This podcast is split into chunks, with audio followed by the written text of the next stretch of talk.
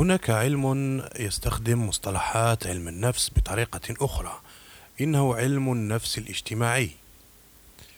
وقد أصبح أحد أهم العلوم الإنسانية. ويعد غوستاف لوبون أول من تكلم في هذا العلم بكتابه الذي بين أيدينا. هو كتاب سيكولوجية الجماهير. كيف تفكر الجماهير والشعوب؟ وكيف تتصرف؟ حيث أصبح الكتاب مرجعا مهما لفهم نفسيات الجماهير وطريقة تفكيرها والطرق التي تتأثر بها وتتحرك بناء عليها. ولا نبالغ حين نقول إن الكتاب يعد دليلا مرجعيا استخدمه الحكام وقادة الحركات الجماهيرية لفهم نفسيات الجماهير وتوجيهها نحو الهدف الذي يريده الزعيم. وخير مثال على ذلك الجماهير الغفيرة التي وظفها هتلر في الحرب العالمية الثانية. بل إن لوبون نفسه أصبح وجه وجهة ومزارا لزعماء العالم يتوجهون إليه ويتناقشون معه في محتوى كتابه. ورغم مرور ما يقارب المئة وخمسون عاما على تأليف الكتاب ما زال محافظا على زخمه وحضوره بين أوساط المثقفين. ويقدم الكاتب إجابات واضحة للعديد من الأسئلة المثارة حول التجمعات الجماهيرية مثل كيف تتهيج الجماهير وكيف تتكون الجماعات الثورية في الأصل؟ ما الذي يصهر الجماهير نحو هدف واحد؟ أهي عقائد معينة أم الدين بشكل رئيس. ما دور الزعيم أو القائد في الثورات؟ والأخطر من ذلك هل الجماهير عاقلة وواعية بالطبيعة وديمقراطية أم متهيجة وثائرة؟ يضيف الكاتب في أول فصل واحد عصر الجماهير.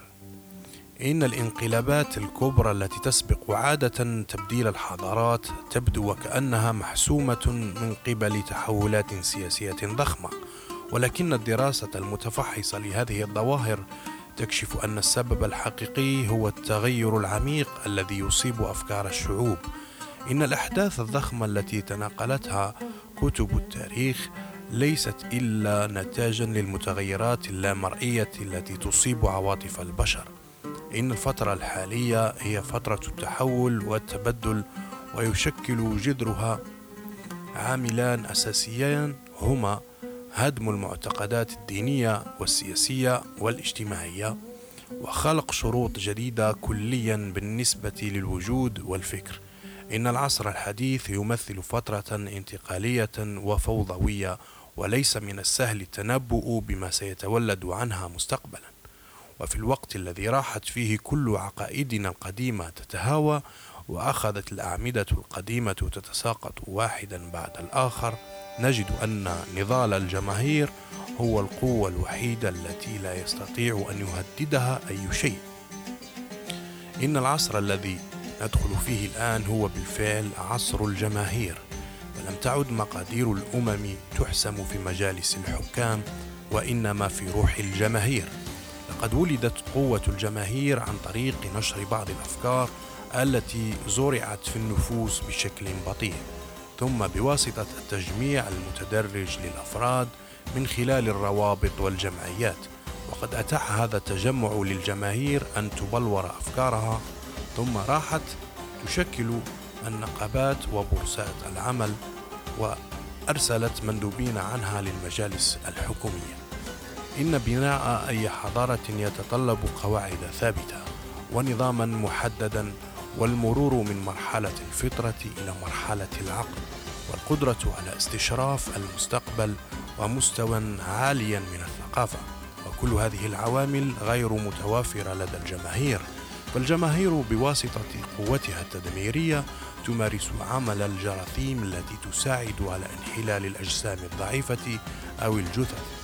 فمعرفة نفس الجماهير تشكل المصدر الأساسي لرجل الدولة الذي يريد ألا يحكم كليا من قبلها. فكل الزعماء ورجال الدولة العظام كانوا علماء نفس على غير وعي منهم. فنابليون بونابرت مثلا كان ينفذ بشكل رائع إلى أعماق نفسية الجماهير. ونفسية الجماهير تبين لنا إلى أي مدى تبدو عاجزة عن تشكيل رأي شخصي ما عدا الآراء التي لقنت لها. فالضريبة الأكثر ظلما يمكن أن تكون الأفضل عمليا بالنسبة للجماهير إن كانت الأقل مرئية والأقل ثقلا من حيث المظهر. فالبشر لا يتصرفون أبدا انطلاقا من مبادئ العقل النظري البحت. ثانيا الخصائص العامة للجماهير. إن كلمة جمهور تعني في معناها العادي تجمعا لمجموعة من الأفراد أيا كانت هويتهم ولكن من وجهة النظر النفسية ففي بعض الظروف المعينة يمكن لتكتل من البشر أن يمتلك خصائص جديدة تختلف عن خصائص كل فرد يشكله. عندئذ تتشكل روح الجماعة أو تتشكل روح جماعية. عابرة ومؤقتة وهو ما سأدعوه الجمهور المنظم أو الجمهور النفسي ويصبح خاضعا لقانون الوحدة العقلية للجماهير. ومن الخصائص النفسية للجماهير تلاشي الشخصية الواعية وهيمنة الشخصية اللاواعية وتوجه الجميع ضمن نفس الخط بواسطة التحريض والعدوى للعواطف والأفكار.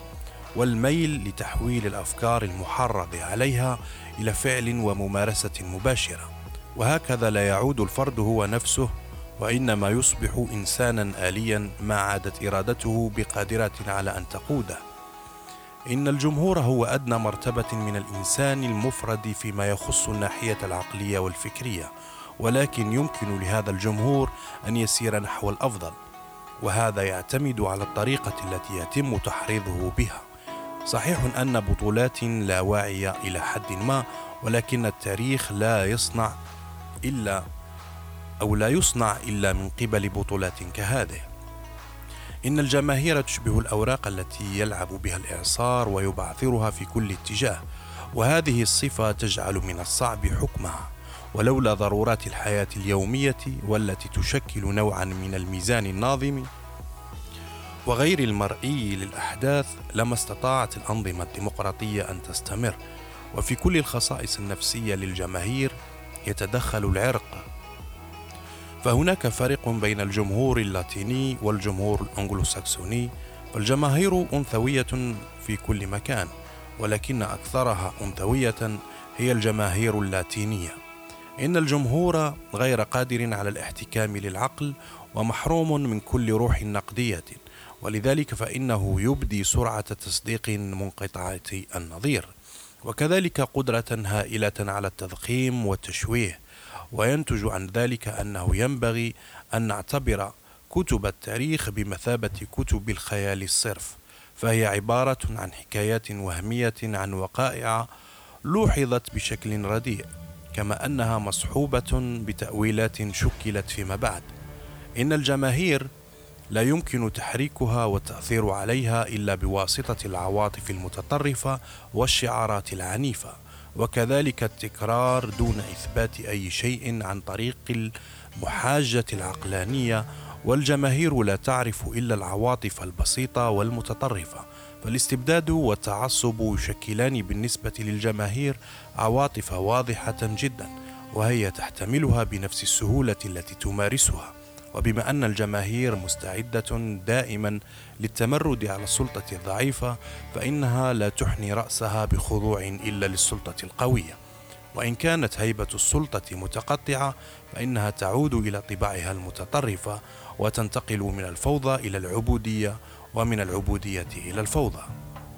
إن الاعتقاد بهيمنة الغرائز الثورية على الجماهير يعني الجهل بنفسيتها. فانفجارات الانتفاضة والتدمير الذي أو التي تحصل من حين لحين ليست إلا ظواهر عابرة. فإذا ما تركت لنفسها فإنها تمل من الفوضى وتتجه بالغريزة نحو العبودية. صحيح أن الجماهير تقوم بثورات لتغيير أسماء مؤسساتها ولكنها في الوقت ذاته تشعر باحترام اتجاه هذه المؤسسات ومضمونها فتجدها تعود إليها في نهاية المطاف والتأثير على الفرد المنخرط في الجمهور يتم بالتركيز على عواطف المجد والشرف والدين والوطن لذا فالجماهير قادرة على أرفع أنواع الأخلاق. ثالثا أفكار الجماهير أيا تكن الأفكار التي توحى للجماهير أو تحرض عليها فإنه لا يمكنها أن تصبح مهيمنة إلا بشرط أن تتخذ هيئة بسيطة جدا. فبمجرد أن تنغرس فكرة ما في روح الجماهير فإنها تكتسب قوة لا تقاوم ولا يكفي مجرد البرهنة على صحة فكرة ما حتى تفعل مفعولها. صحيح أنه يمكن للحقيقة الساطعة أن تلقى آذانا صاغية. ولكن سترى نفس الشخص بعد بضعة أيام يعود إلى محاجاته القديمة وبنفس الألفاظ تماما لأنه واقع تحت تأثير الأفكار السابقة التي تحولت إلى عواطف وترسخت. فالجماهير تشبه إلى حد ما النائم الذي يتعطل عقله مؤقتا ويترك نفسه عرضة لانبثاق صورة قوية ومكثفة. فعلى قاعدة الخيال الشعبي تأسست قوة الدول. إن معرفة فن التأثير على مخيلة الجماهير تعني معرفة فن حكمها. رابعا العوامل المشكلة لعقائد الجماهير.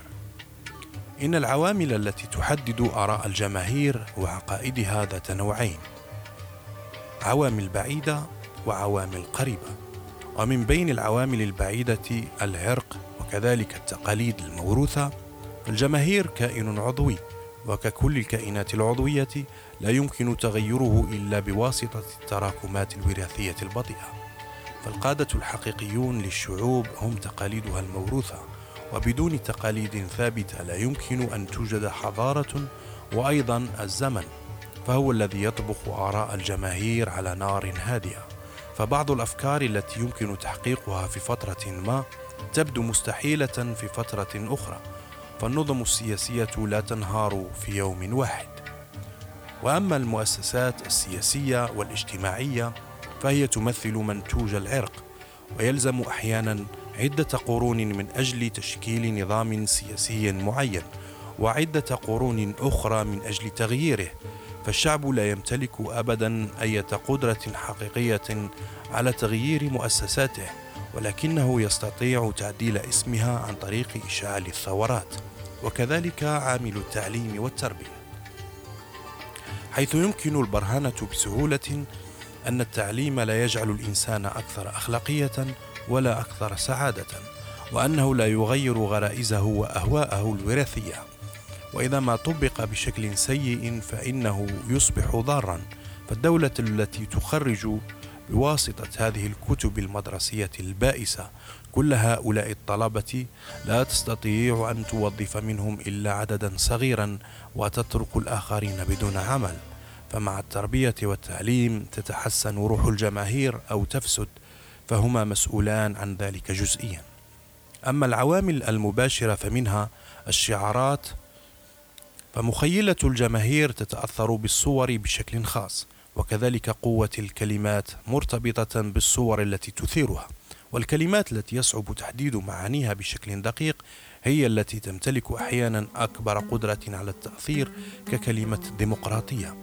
مثلا وعندما تشعر الجماهير بنفور عميق من الصور التي تثيرها الكلمات إثر الانقلابات السياسية فالواجب الأول على رجل الدولة الحقيقي تغيير هذه الكلمات دون أن يمس الأشياء ذاتها بالطبع. إذا فبراعة الحكام تتمثل في معرفة كيفية التلاعب بالكلمات. ومنها أيضا الأوهام فالشعوب تتجه نحو الأوهام كما تتجه الحشرة نحو الضوء. فمن يعرف إيهام الجماهير يصبح سيدا لهم ومن يحاول قشع الأوهام عنهم يصبح ضحية لهم. وهناك أيضا عامل التجربة فهي المنهجية الوحيدة الفعالة من أجل زرع حقيقة ما في روح الجماهير بشكل راسخ وتدمير الأوهام التي أصبحت خطرة أكثر مما ينبغي. وعموما فإن التجارب التي عاشها جيل ما غير ذات جدوى بالنسبة للجيل اللاحق لذا نجد من الضروري تكرار التجارب من عصر إلى عصر من أجل أن تمارس أو تمارس بعض التأثير وتنجح في زعزعة خطأ راسخ بقوة. وهناك عامل العقل وهو عامل سلبي في التأثير لا عامل إيجابي. فالجماهير لا تتأثر بالمحاجات العقلية. ولهذا السبب فمحرك الجماهير لا يتوجهون أبدا إلى عقلها وإنما إلى عاطفتها. خامسا محرك الجماهير. ما إن يجتمع عدد من الكائنات الحية حتى يضعوا أنفسهم بشكل غريزي تحت سلطة زعيم ما. يلعب دورا ضخما بالنسبة للجماهير البشرية. فالجماهير عبارة عن قطيع لا يستطيع الاستغناء عن سيد وتحصل من الجماهير وتحصل من الجماهير على طاعة وانقياد أكثر مما تحصل عليه أي حكومة. ومحرك الجماهير يمكن تقسيمهم إلى فئات.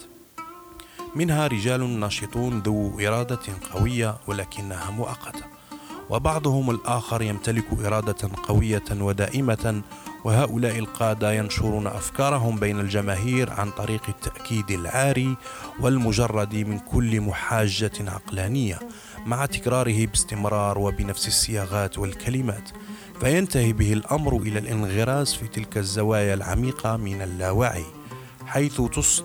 حيث تصنع كل دوافع أعمالنا. ومن ثم تنتقل هذه الأفكار والعواطف والانفعالات بين الجماهير عن طريق العدوى الفكرية. وهذه الأفكار لابد أن تمتلك قوة سرية ندعوها الهيبة أو الاحترام. وهي نوع من الجاذبية التي يمارسها فرد ما على روحنا وتملأها بالدهشة والاحترام. وقد تكون هذه الهيبة مكتسبة إما عن طريق الاسم أو الثروة أو الشهرة. وقد تكون ذاتية أو شخصية وتشكل ملكة مستقلة عن كل لقب أو كل سلطة وتجعل من حوله يطيعونه طاعة عمياء كما تطيع الدابة المتوحشة مروضها. ولكن هذه الهيبة الشخصية تختفي دائما مع الفشل فالبطل الذي صفقت له الجماهير بالأمس قد تحتقره علنا في الغد. إذا ما أدار الحظ له ظهره وقد تنتزع بالمناقشة والمجادلة. فلكي يحافظ الشخص على هيبته وتعجب به الجماهير ينبغي دائما إقامة مسافة بينه وبينهم سادسا محدودية تغير عقائد الجماهير وآرائها. هناك العقائد الإيمانية الكبرى والتي تدوم قرونا عديدة والتي ترتكز عليها حضارة بأكملها وتشكلها وتلاشيها يمثلان لكل عرق تاريخي نقاط الذروة في تاريخه ومن الصعب جدا تدمير هذه العقائد بعد تشكيلها إلا بعد ثورات عنيفة وبعد أن تكون العقيدة قد فقدت تقريبا كل هيمنتها على النفوس وهذا يبدأ من اللحظة التي يأخذ فيها الناس بمناقشتها ونقدها.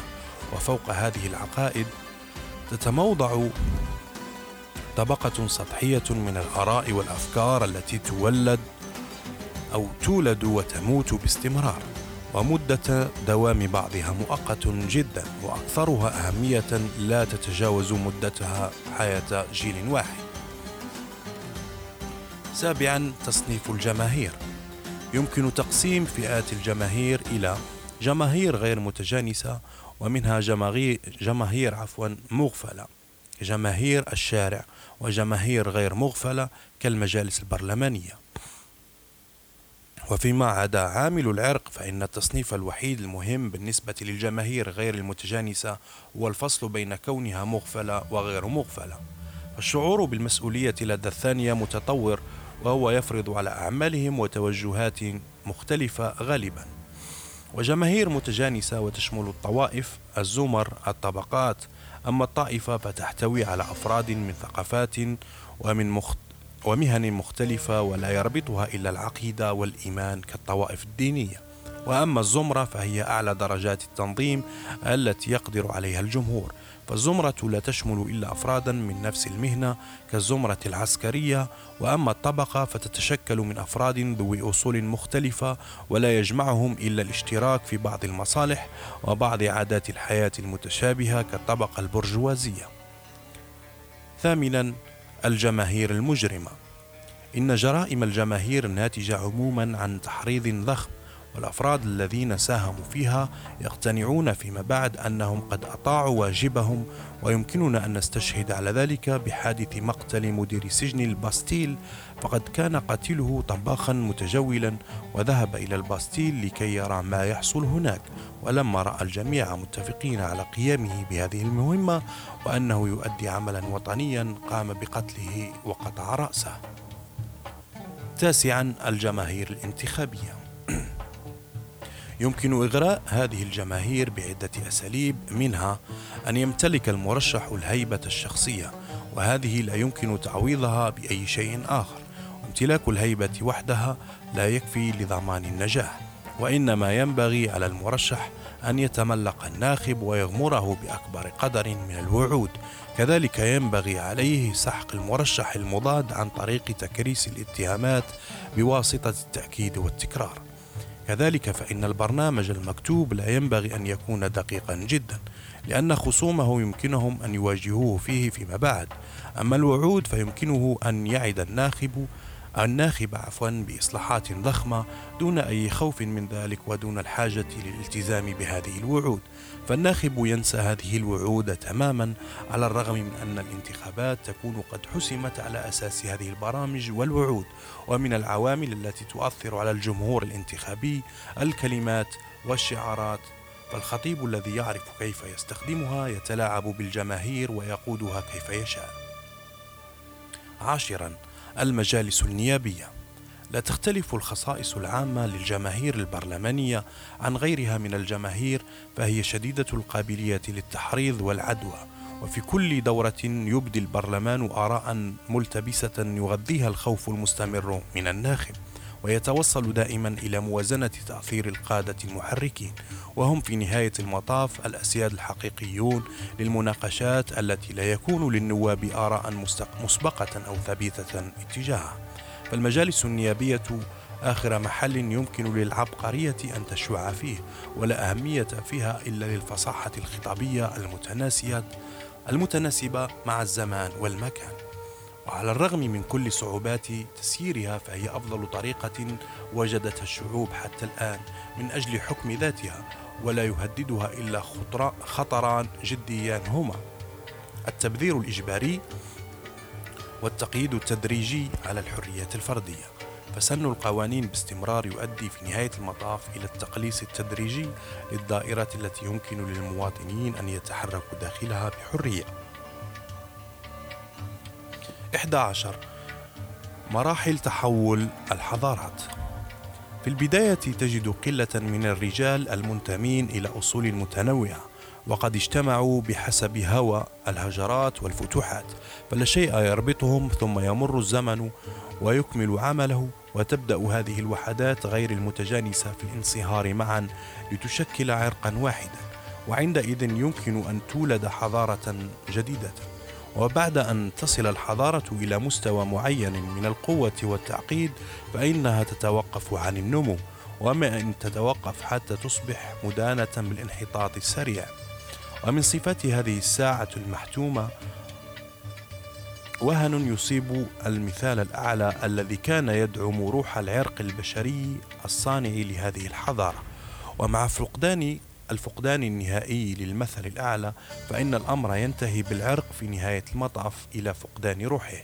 ولا يعود إلا ذرات متناثرة من الأفراد المعزولين أي يعود إلى ما كان عليه في البداية. وهذه هي دورة الحياة الخاصة بأي شعب. الانتقال من حالة أو حالة البربرية إلى حالة الحضارة عن طريق ملاحقة حلم ما ثم الدخول في مرحلة الانحطاط والموت بمجرد أن يفقد هذا الحلم قوته. شكرا جزيلا معكم الدكتور صيفي وليد.